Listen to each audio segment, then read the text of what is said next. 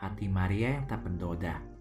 Sabtu 25 Juni bacaan Injil diambil dari Lukas 2 ayat 41 sampai dengan 51. Tiap-tiap tahun orang tua Yesus pergi ke Yerusalem pada hari Paskah. Ketika Yesus telah berumur 12 tahun, pergilah mereka ke Yerusalem. Seperti yang lazim pada hari raya itu. Sehabis hari raya itu ketika mereka berpulang tinggal Yesus di Yerusalem. Sesudah tiga hari mereka menemukan dia dalam bait Allah. Dan ketika orang tuanya melihat dia, tercenganglah mereka, lalu kata ibunya kepadanya, Nak, mengapa engkau berbuat demikian terhadap kami, bapamu dan aku dengan cemas mencari engkau. Sahabat, bayangkan bagaimana perasaan Maria selama tiga hari mencari Yesus. Kegelisahannya, hatinya yang tak bernoda penuh dengan kasih kepada Yesus dan menderita karena ketidakadaannya. Tapi hatinya juga penuh cinta untuk kita. Dan dia menderita ketika kita jauh dari Tuhan.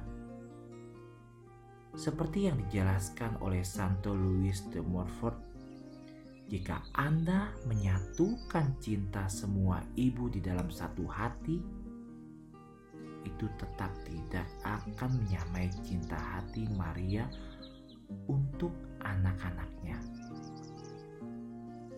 Anda memiliki tempat di hatinya yang tak bernoda.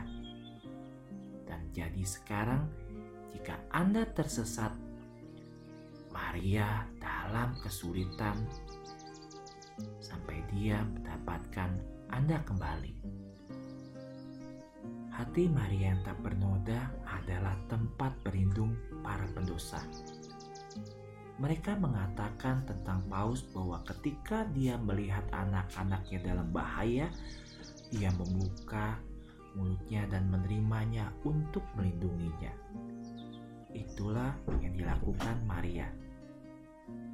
Dia mengungkapkan kepada Santa Brigitte, seorang ibu yang melihat putranya terkena pedang musuh melakukan segala upaya untuk menyelamatkannya. Demikian juga saya. Dan akan saya lakukan untuk anak-anak saya, meskipun mereka berdosa. Jika mereka datang kepada saya untuk meminta bantuan, jika angin percobaan muncul, jika Anda berlari ke dalam batu kesengsaraan, lihat bintang. Panggilah Maria.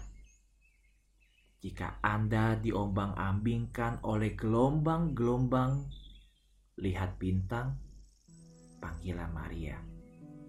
Jika marah atau tamak atau godaan daging mengguncang perahu kecil jiwamu, lihat Maria jika terganggu oleh besarnya kejahatanmu dikacaukan oleh kenajisan hati nuranimu, dibukukan ketakutan, memikirkan penghakiman, kamu mulai tertelan oleh jurang kesedihan dan jurang keputusasaan, pikirkan tentang Maria.